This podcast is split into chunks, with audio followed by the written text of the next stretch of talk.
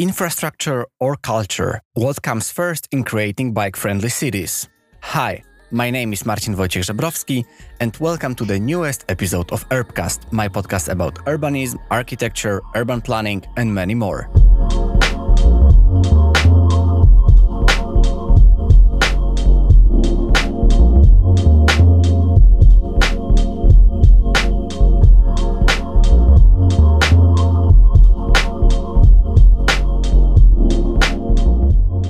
I'm very honored to introduce you to the newest episode of Urbcast, which will be devoted to the bicycle urbanism, and my guest will be James Thoem, who is the CEO of Copenhagenize. Copenhagenize is a multidisciplinary go to team if it comes to bicycle urbanism, but not only. Its founder, Danish Canadian urbanist Mikael Colville-Andersen, was the one who successfully promoted the Danish or especially Copenhagen biking culture abroad. Now, Copenhagenize is working with city mayors from all over the world, from Americas to Russia. Especially, there was one interesting city that we'll be mentioning in our discussion from Russia to help the mayors of the cities making their cities better places to live. A big part of it is devoted to planning efficient biking infrastructure, but not only. You will be able to hear this inspiring conversation, and especially we will try to think about what special can Copenhagen share with other cities. Because Copenhagenize is, as I understand it, to bring a piece of Copenhagen and transplant it to some other city. But I think that, as it will be clear in our discussion, we need to avoid copy pasting and we can't just transport one piece of advice from one city and just put it in the other city and just expect that everything will be working perfectly because of course that obviously it's not the truth. So today we will focus on the evolution of the bicycle culture 2.0 as well as we'll talk about yeah, how can we Copenhagenize other cities without copying and pasting. I am extremely happy to be able to talk to James from Copenhagenize, especially that Copenhagenize is something that was familiar to me for many years. Even before I moved to Copenhagen, I knew that there is such a cool initiative that it's helping to promote mm, bicycle friendly design of our cities. It was just a big honor and also a big pleasure to to get to know the story behind the, the Copenhagenize as well as um, the current projects and developments of the team.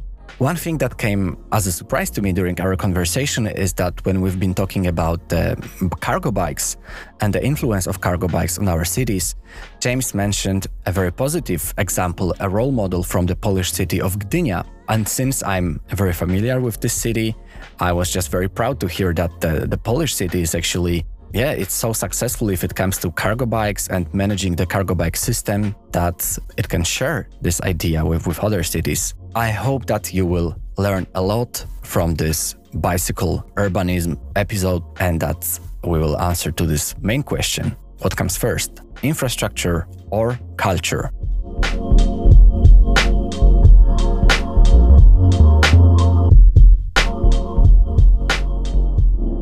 Welcome to my podcast and thank you for being part of Urbcast. I'm, I'm very honored. Yeah, it's my pleasure. It's great to finally be here and finally connect with you. I've been following your podcast for a while and listening to some of your other interviews. So it's, it's good to finally sit down with you and, and discuss all things bicycle urbanism. When you think about Copenhagen and especially about the urbanism and bicycle part, of course, it's very famous due to a very good PR. And I think that Copenhagenize was always a part of it, of sharing the idea behind the sustainable mobility in Copenhagen. I was just wondering how to start this conversation. And I thought that the best way would be on this more personal note. I know that as well as me, you also have been studying in Sweden. So, what made you come to Copenhagen and then join Copenhagenize? I'm very curious. Yeah, it's a good question and one I I, uh, I hear fairly often. And I guess you got to first ask uh, what made me come to Sweden in the first place. Because if you can maybe tell by my accent, I'm actually uh, not Swedish, not Danish, but rather Canadian. So I was born and raised uh, in in Ontario, near to Toronto, and I studied in Toronto for a while, and, and I studied urban studies there. And after graduating, I was really passionate about the field, but I really realized that if I wanted to keep studying cities, I had to look elsewhere. So I applied to programs in Vancouver and Montreal, but uh, I was lucky enough to have a passport from a former European state, the UK. So I was able to pack up and move to Sweden. And in Stockholm, I found sort of the right mix of a program that was uh, an urban studies, urban planning program, but a bit more policy oriented rather than design oriented. And then shortly after graduating there, I had visited Copenhagen a couple times by that point, and I'd always loved the city. So once I got the opportunity to intern here at Copenhagenize, I actually jumped on it and uh, I moved down right away and uh, haven't looked back since. You probably have been attracted with the design, with the life, well, life-sized city, so to say, that Copenhagen might be associated with. And you also said that you joined here at Copenhagenize in Copenhagen as an intern. What made you being interested in Copenhagenize in the first place that you applied for first at the intern here? I think it was definitely that Copenhagenize has always been rather good at telling a story and presenting the the benefits of living in a city where the bicycle is considered a normal mode of transportation and sort of sharing that widely and making it seem almost obvious, almost second nature there should be no debate about this, but rather look, when you accommodate cycling through safe and comfortable connected infrastructure, it just becomes so natural. And that's one of the many things that attracted me to the city, both as a visitor in the first place, but also eventually as a resident. Yeah, it's a great city. Of course, it's easy to cycle throughout the whole city. It's easy to get around. It's a good scale. It's rather small compared to Toronto, for instance, also rather small in footprint compared to Stockholm as well.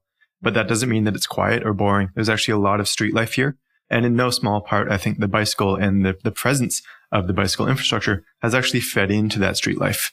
You know, when you're walking down the street in Copenhagen, there's a certain sort of human feel when you see dozens, if not hundreds of faces rushing by you rather than hundreds of metal boxes rushing by you.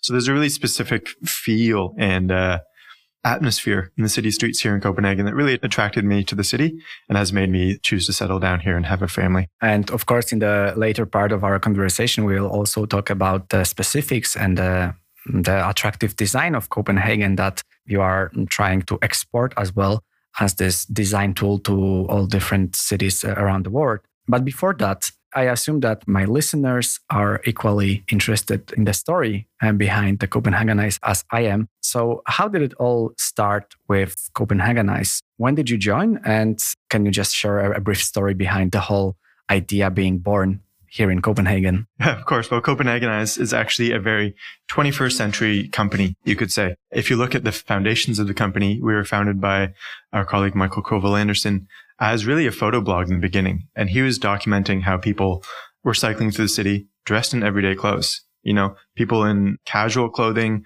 people in suits and ties, in high heels and dresses, and showing that you can actually dress like a normal person and ride a bike at the same time. And that caught on. That blog became quite popular. And then he started, you know, really highlighting the infrastructure that made that possible to the blog Copenhagenize.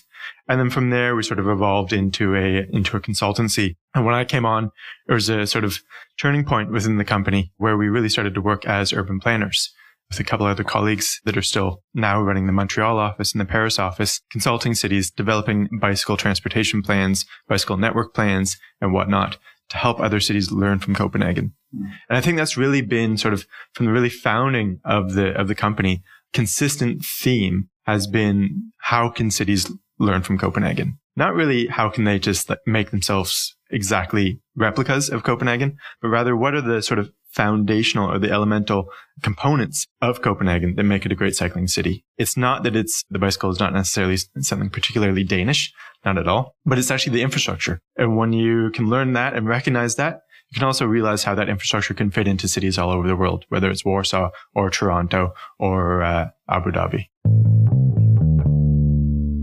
So yeah, and now uh, as a company, we've developed uh, with three offices, one here in Copenhagen, one also in Paris, and then one in Montreal. We've been working all around the world from Kazakhstan to California, Australia to Hamburg, helping cities become more bicycle friendly. We primarily do it through urban planning and design, but also through communications and education. And sort of what underlines all the work that we do is the idea that the bicycle is a legitimate mode of transportation. Just like the bus, just like the car, just like the train, just like the pedestrian.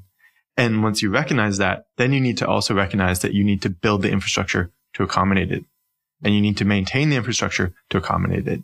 You also need to talk about it in a constructive way rather than sort of a paternalistic scolding way saying, Hey, cyclists, you better behave, but rather say, Hey, thanks for cycling. Or, you know, encourage cycling as, as if it's second nature or as if it's a, a natural and accessible and common mode of transportation. And then sort of with that approach, we've started, yeah, we have been lucky enough to work with cities uh, all around the world and experience many different contexts, but still with the same sort of idea in mind that we have, uh, that we're aiming towards making the city more bicycle friendly. I'm happy that you've mentioned the main founder of Copenhagenize, Michael Kolby Andersen, because I'm a big fan of him and especially of the way he promoted Copenhagen as a bike friendly city. And also by publishing uh, his book, Copenhagenize, which was translated into many languages, including my, my native language, Polish.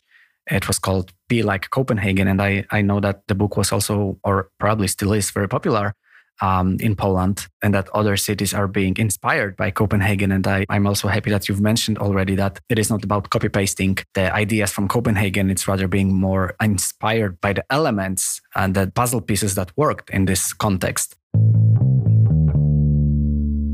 I wanted to also talk a bit about the bicycle culture and especially something that you've mentioned, which is called precisely bicycle culture 2.0. And let me just quote this that there is a little standing in the way of advancing the evolution of the bicycle culture 2.0 because modern urban planning is often singular in its focus on technical models and solutions, statistics, impact assessment, and cost. But Copenhagenize design company prefers to place the primary focus on the human nature in our work, in your work, and we think about the bicycle user first and design from there, whatever the city.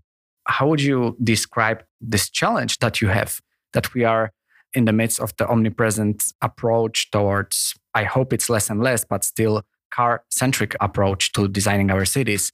And here you come with this human centric approach with a bike. Uh, how are you managing to kind of push your bike friendly uh, agenda? It's a good question. And we're always struggling to find different ways to push the agenda, but we are seeing momentum, pardon the pun, around the world uh, in terms of recognizing the bicycle as a legitimate mode of transportation. And you could say that maybe bicycle urbanism 2.0 is really about reaching that point where it is normalized if 1.0 was characterized by the era of critical mass demonstrations and aggressive bicycle messengers and uh, stickers saying one less car, 2.0 could be characterized by the resident cycling down the street in high heels or in a suit and tie, and showing that this has really gotten to a point that it's not really um, not really anything special anymore. It's not really even an, an identity marker, and that's really what we're aiming for: is the normalization of cycling. And in pursuing that, of course, we're running into a lot of the familiar challenges with uh, uh, standards and uh, different metrics common with transportation engineering. And that is, that is a challenge, but we're also seeing more and more, you know, the politics of urban mobility are also changing, where we're starting to see politicians being elected on various levels of government that are realizing that something is wrong with the way that the cities have been sort of been designed for the automobile for the past 50 plus years and sort of asking new questions about how to efficiently use our city spaces, our city streets, whether that's by building trial bike lanes and having them, you know, just tested, prototyped for a half year or a season and then developing from there, or whether it's, uh, you know, implementing things like uh, bike share systems or cycle logistics hubs to really show that the bicycle can serve a wide range of roles and a, a, wide range of users in the streets. And we also, we like to think a lot about the user because it's really important, like any other design aspect, whether it's a phone or a chair or a table or whatever have you, what have you. The design of the infrastructure has to be in a way that makes it very intuitive, not just for the bicycle rider, but for all road users, for car drivers, for pedestrians, for cyclists, and so on. And I think that's one of the things that we're really inspired by here in Copenhagen is that the infrastructure is so simple in a way and so intuitive. And I recognize for the listeners out there that, uh, especially working within mobility planning, simple does not mean easy, but it's something to aim towards. So here, you know, when you, when you, no matter what sort of road user you are, when you turn the corner, it's pretty quick and easy to read the road that, you know, as a pedestrian, you know, you belong here. As a cyclist, you belong there. And as a motorist, you belong there. There's no questions. There's no user manual that you need to sort of pull out depending on which street you're going down. It's very, very straightforward. And that is actually one of the main elements that we, that we take from Copenhagen and we, we keep with us as we work internationally, making sure that the infrastructure is designed in a way that is safe and comfortable, but also intuitive.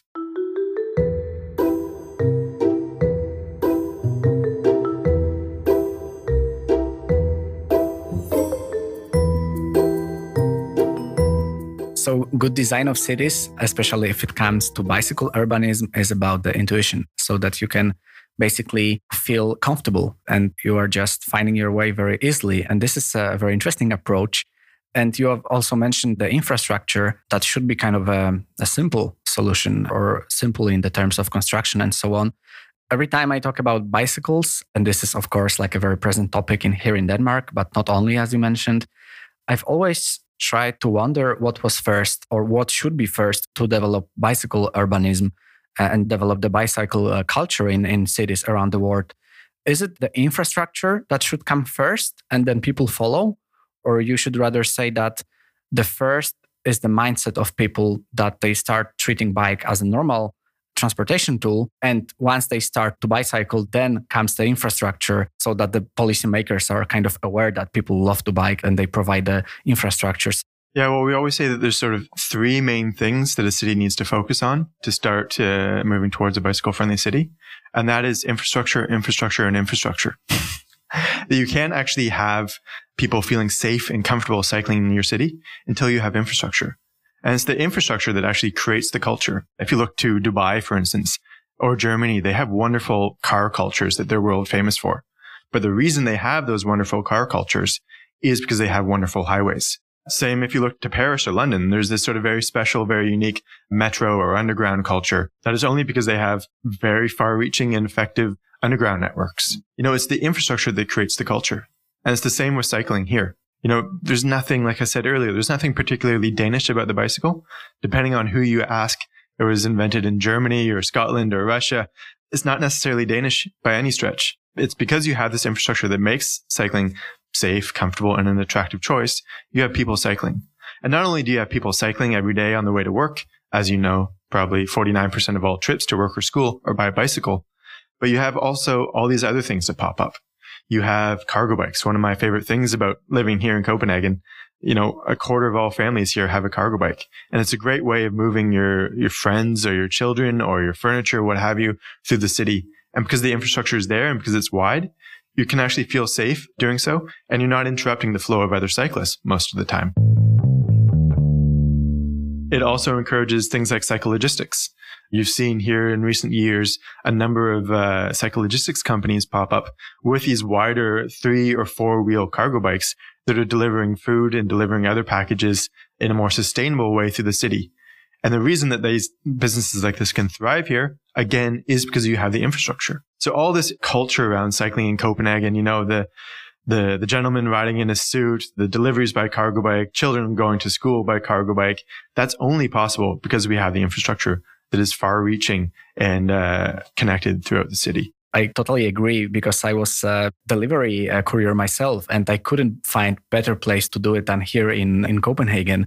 And it was because of the infrastructure. And to follow up on that, I was just wondering about this infrastructure. So the infrastructure is being developed and it attracts the people. But what if it is the early stage of the bicycle urbanist development in a certain city. I would love to use the example of Warsaw because there are a lot of uh, bike lanes that were built in the recent years.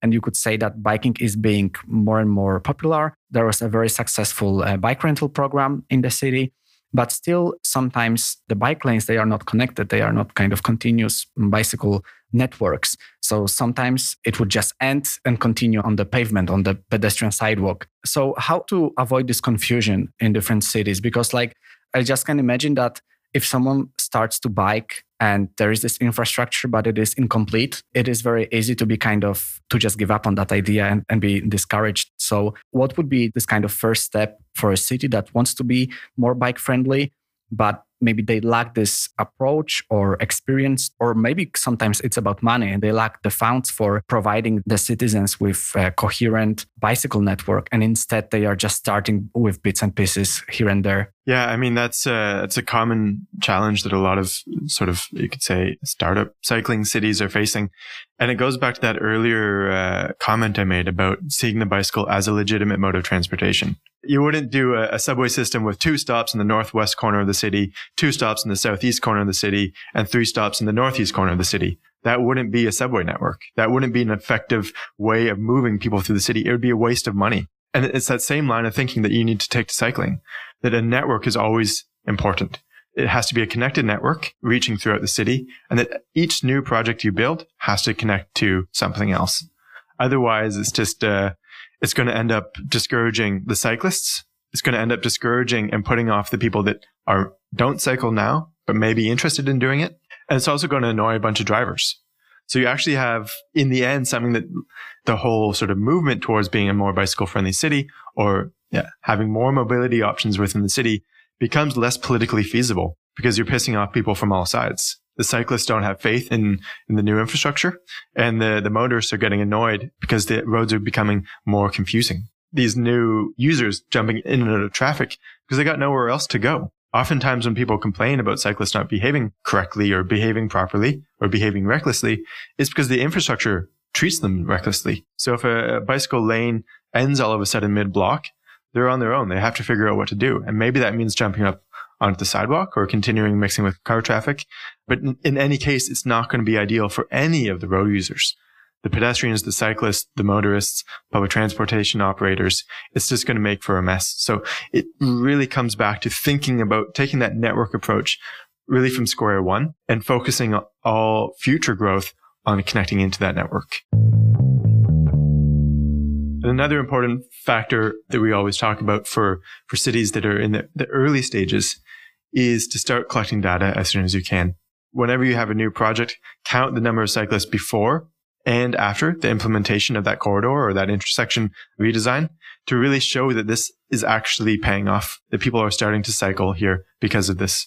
And then, you know, collecting that data, but also communicating it to a wider audience, communicating it to the public that, Hey, this is what we've done and this is how it's working. So, for instance, one of our, our favorite examples is the Canadian city, actually, of Calgary. You know, this is in the, in Alberta, Calgary, Alberta, which is where a lot of the oil comes from, from in Canada. And this is a very car oriented province. And they, they were toying with the idea of doing over five years, a pilot project on five different corridors. And the mayor at the time put in a lot of political capital and said, why don't we just do all corridors at once? And so they did that, but they studied it and they, they collected the data throughout the whole process. So then they are able to say, okay, we've done this to the public and it has resulted in a 30 second longer car trip through the city center. It has encouraged, uh, you know, X number of uh, new cycle trips, whatever, 60% of which are now women. It has resulted in an increase in women choosing to ride a bicycle, indicating that it's a safer infrastructure. So yeah, they look to a series of data points and told that story to show that this was actually worth pursuing and that we've achieved many sort of desirable factors within the city with this, uh, this pilot network. So it's making sure you had that data throughout the whole process before and after the infrastructure. And that can go a long way in telling the story to the public, but also to media. Because when you have that data, you can make a much stronger argument and you can also therefore continue to invest in more infrastructure.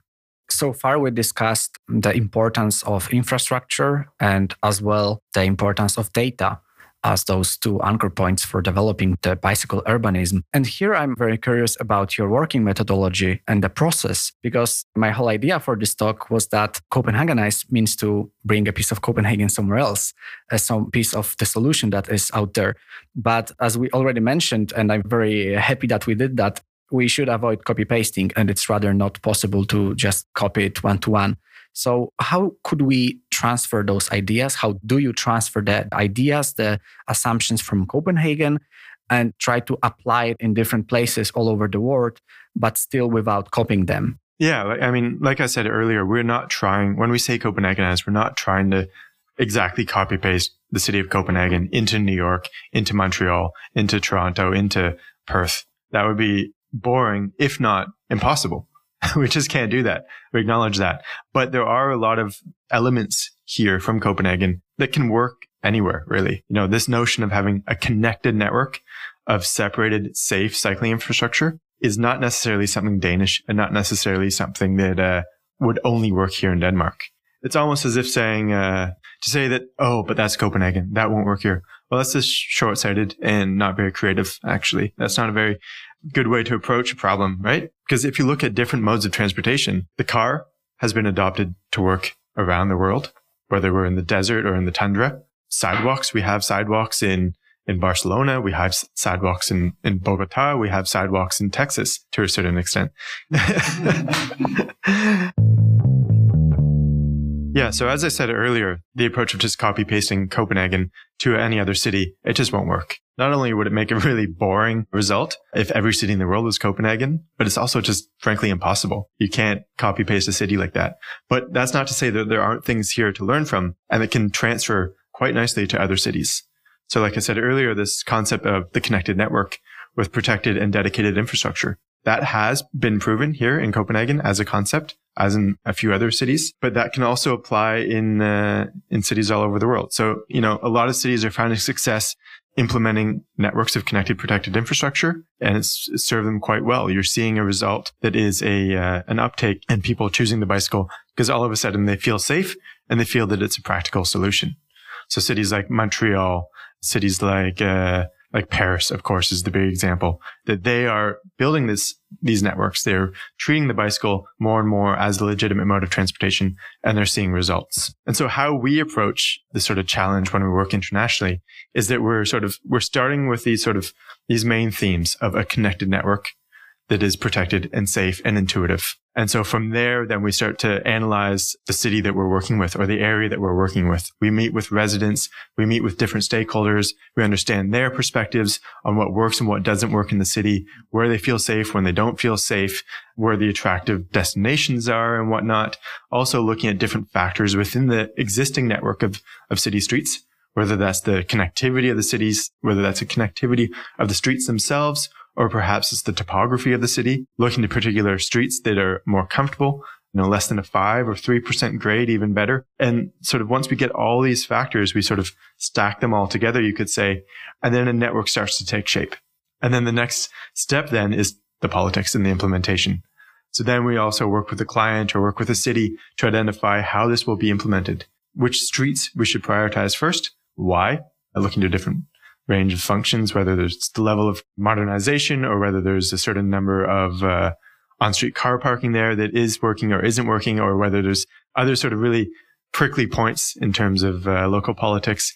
And then we work with a, uh, yeah, we develop an implementation plan to help the city or whichever scale of client we're working with start to roll out the cycling infrastructure with that end goal of having a network of safe, connected, protected infrastructure. I've actually had the the good fortune early in my career of working with a uh, a project, working with a client that was one of these like unheard of wild success stories. It was this town in Russia called Almetyevsk. Maybe you've heard about it. Maybe you've read about it. So it's this town in Russia, in the region of Tatarstan. You could say southwest Russia. And, uh, with this case, the mayor there, a relatively young, more progressive mayor, wanted to be the most bicycle friendly city in Russia. And I should say that there's not much competition for that title. You could really literally just build a couple, a really small basic network and you'd take the gold medal. Nevertheless, he actually listened to everything we recommended and he built a network of uh, now over 100 kilometers of protected cycling infrastructure. And, you know, we were there for a couple of visits during the process and we heard a lot of pushback, especially from the transportation engineers that this won't work here. You know, Russia's different. Russia's not Denmark. Russia, you know, we have winters here. It's too hilly here. It's too dirty here. It's too, too whatever. There's millions of excuses not to, not to change the status quo. But nevertheless, the mayor was very persistent and he really pushed them to follow through on this vision and this idea. And we visited a, a year after the ribbon cutting. And to be honest, when I was driving to the city from the airport, I think we were all quite nervous in the car, thinking like, oh crap, what if this didn't work? What if Russia really is different? You know, what if it w- was too cold, too hilly? You know, what if the bicycle just isn't part of the Russian culture? They're just not interested in it. And so we're thinking, oh no, what are we going to tell them next? build more, build more. But luckily, as we drove into the city, ah, there's a cyclist and another one and a family and another one and another one and a group of friends and another one. And sure enough, residents of Almetyevsk had started cycling. And it would, it was just this wonderful moment, not only for the project, but for me professionally that we're working with something that actually is, that works. You know, it was a moment sort of, you know, we could recognize that, of course, the political processes are wildly different around the world. You know, it's much easier to build 50 kilometers plus of protected infrastructure in Russia than it is perhaps in, in Germany. But the end product is something that, that's been proven now that when there is a connected network of protected safe infrastructure, people will start cycling no matter the culture. And that was really, yeah, I've been really fortunate to have that professional experience early on in my career to really drive my belief in this. that I can sort of continue to have the enthusiasm to work with really challenging contexts, whether we're in the, in Dubai or in Ecuador or in North America. Of course, one of the most challenging contexts to really believe that when you have a network of cycling infrastructure, people will start cycling. To add one more example, uh, we already mentioned uh, Bogota and the ciclovia that is happening out there. And it's not very complicated, right? It's just closing the car traffic for one day and it's giving the space back to the bikers, to pedestrians. Yeah, exactly. I mean, that goes back again to this question of what comes first, the culture or the infrastructure.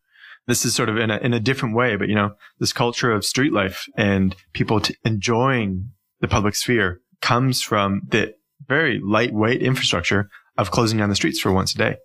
And that sort of infrastructural change really in terms of policy, not so much of, you know, heavy infrastructure changes really shone a light on how people want to be and experience their city. I think that was very important what you said. Speaking about this Russian city, when you said that you just went there and luckily all the solutions it worked. And before we also talked about that you are straight from the beginning of the process, you are kind of aware and I guess you also want your clients to be aware as well that you will not build the second Copenhagen in their city.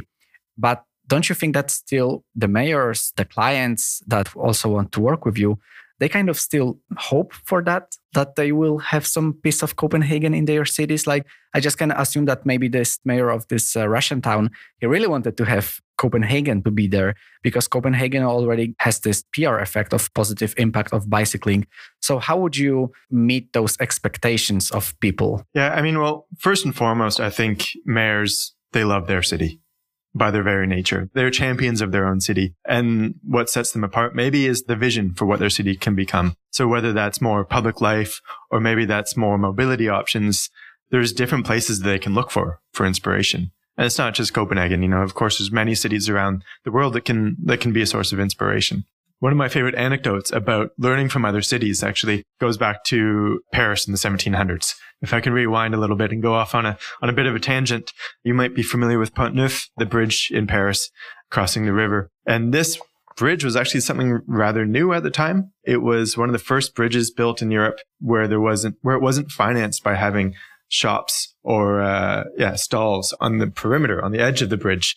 So what this meant was all of a sudden it opened up a whole new view to the city and to the, to the river as well. They also designed in sort of these, these bays of benches so people could stop and socialize and spend time in public space on this bench. But for me, what was most interesting actually about this whole story was that it was a case where they actually decided to separate the different road users, separate the different bridge users, you could say. So they grade with, through a grade separation, you know, through a vertical separation, they put the pedestrians up on one level and then the carts and the, the horses and whatnot down on another level. And there's this sort of brilliant aha moment that, oh, wow, we never thought of that. And cities actually from across Europe, politicians from across Europe, delegations from across Europe started going to Paris to see this one bridge, Pont Neuf, and how they've come up with this genius way of making a more efficient flow of traffic through this one corridor. And that actually led to many European cities starting to build what we now know and take for granted as the sidewalk, as the, the pedestrian pavement. And it actually led to actually the, I think it's called the, the Westminster Pavement Act in the UK in the 1800s. I can't remember exactly the date. But I mean, that's, I like to bring up that story because it, it really shows that, you know, learning from, from different cities is nothing new you really got to look abroad and further afield to see what other cities are doing and what other cities are finding success with. And also at the same time, what aren't working for other cities to really start to improve your own city. And I think that's what a lot of our clients sort of pick it. A lot of our clients touch into the same sort of, uh, sentiment that we, we got to learn from one another, no matter where it is in the world.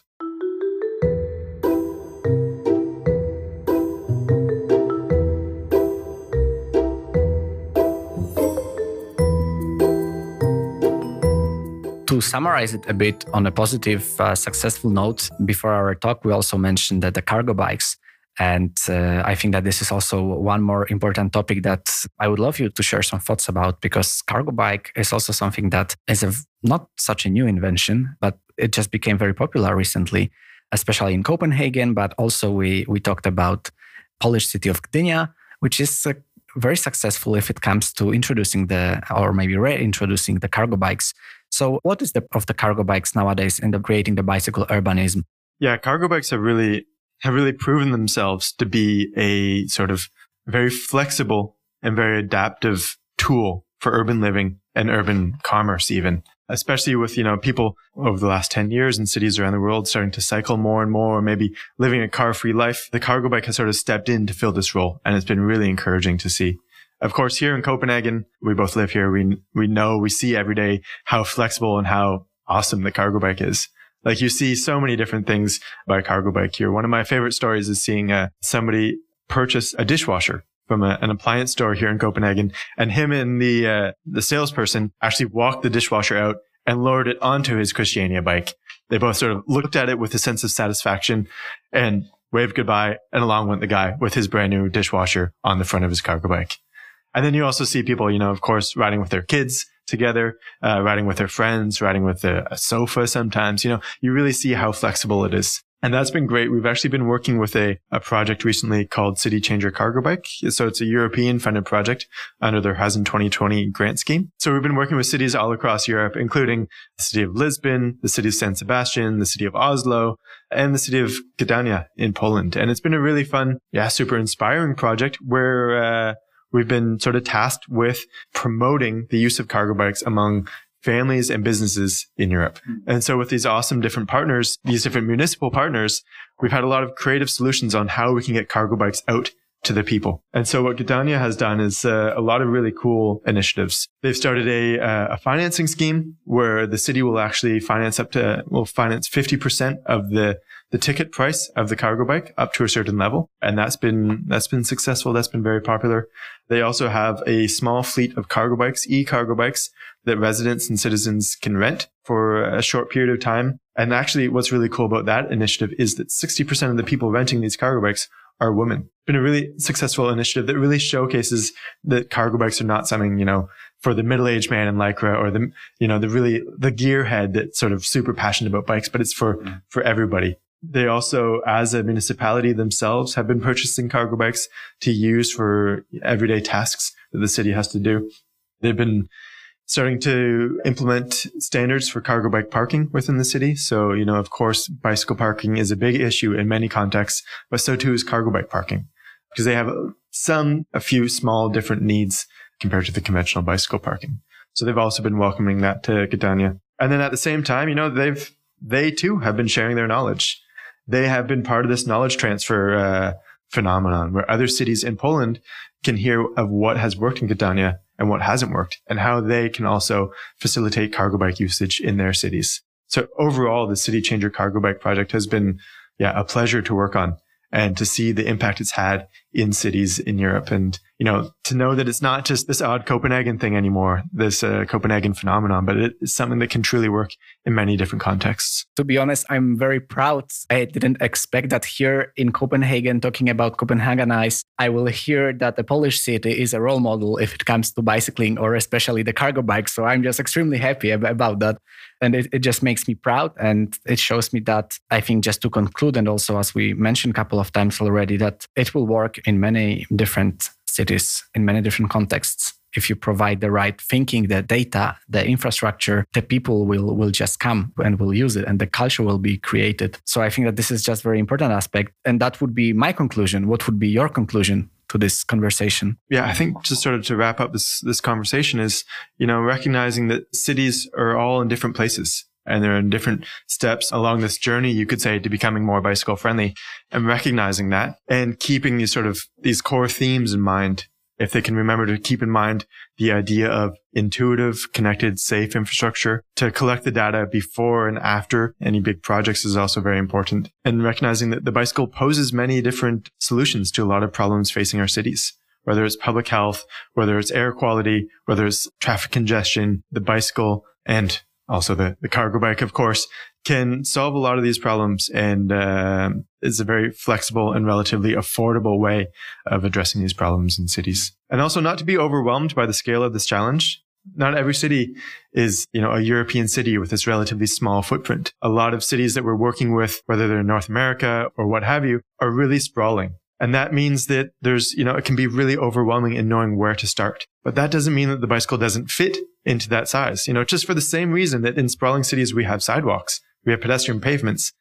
It shows that it's worth building this infrastructure. So just, you know, starting somewhere and making sure that you start with a network and then building out from there. It totally makes sense. It's a good uh, introduction to my last question, which is like this more additional one, more again on this personal note to come back to the roots and the beginning of this conversation. I just wanted to ask you for a book recommendation that the listeners could just dive into after listening to this conversation. Would you have a yeah a good book? Would be nice if it was uh, about the topic yeah, I mean, I think there's, uh, if I could recommend maybe like two and a half books, I say half because I haven't read one of them yet.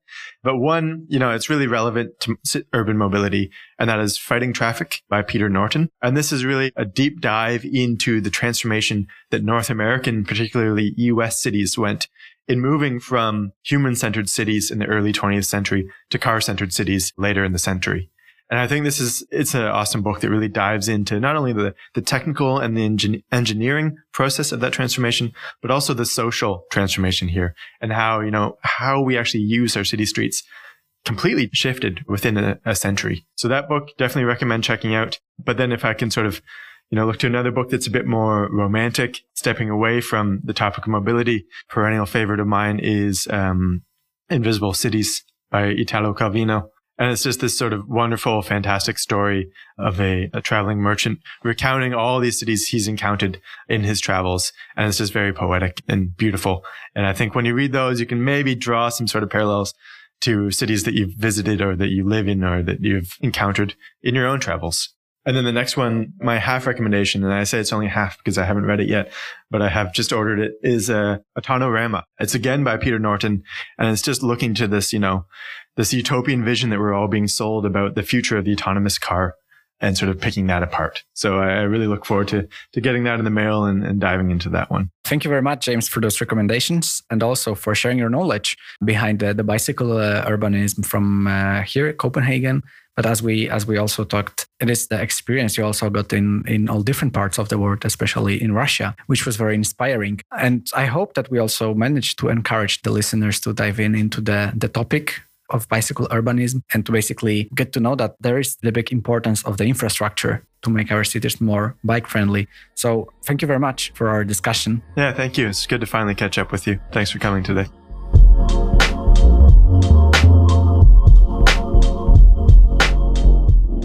Thank you for listening to the newest conversation with James. I think that he mentioned many interesting things, and I would like to quote a couple of things, but maybe I will just stay with the one quote and say that to answer this question of infrastructure or culture, what comes first in creating the bike friendly cities, James answered that there is this infrastructure, infrastructure, and infrastructure that creates mm, the bike friendly cities, and everything else follows.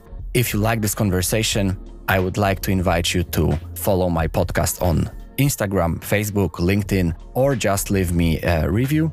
You can do it both at Spotify and also at Apple Podcasts, and I will be very, very thankful for that. To conclude our discussion, there is actually one more very interesting initiative by Copenhagenize, which is the Masterclass which is a three day immersion in bicycle urbanism here in Copenhagen. And I think that actually it will be the best if James will say something about it himself. James, the floor is yours. Knowledge transfer between cities, between different contexts is, you know, so important for us. You can hear it in the name, Copenhagenize. You know, learning from one another. What can you learn from Copenhagen? And that's why we also host these these master classes in bicycle urbanism. So with our master class, we got one coming up in June here in Copenhagen. We have 20 to 30 people from all around the world to come here to learn about what makes this a, a bicycle friendly city. And so we have people, you know, we have politicians, urban planners, architects, advocates from all different fields come here to Copenhagen for three days of talks, tours, guest speakers, workshops in sort of really diving into what makes Copenhagen such a bicycle friendly city. And then they go home and they sort of, they bring their learnings with them. And it's great to see over the years, we've been doing this since 2016, to see how these sort of our alumni, you could say, of this course have sort of brought their learnings to their hometown, whether it's in Japan or in Belgium or in the US. Yeah, it's one of my favorite parts of the job, just to welcome people from all over the world and just showcase what works here, why, and hopefully point them in a way that they can identify the transferable aspects and bring it home with them.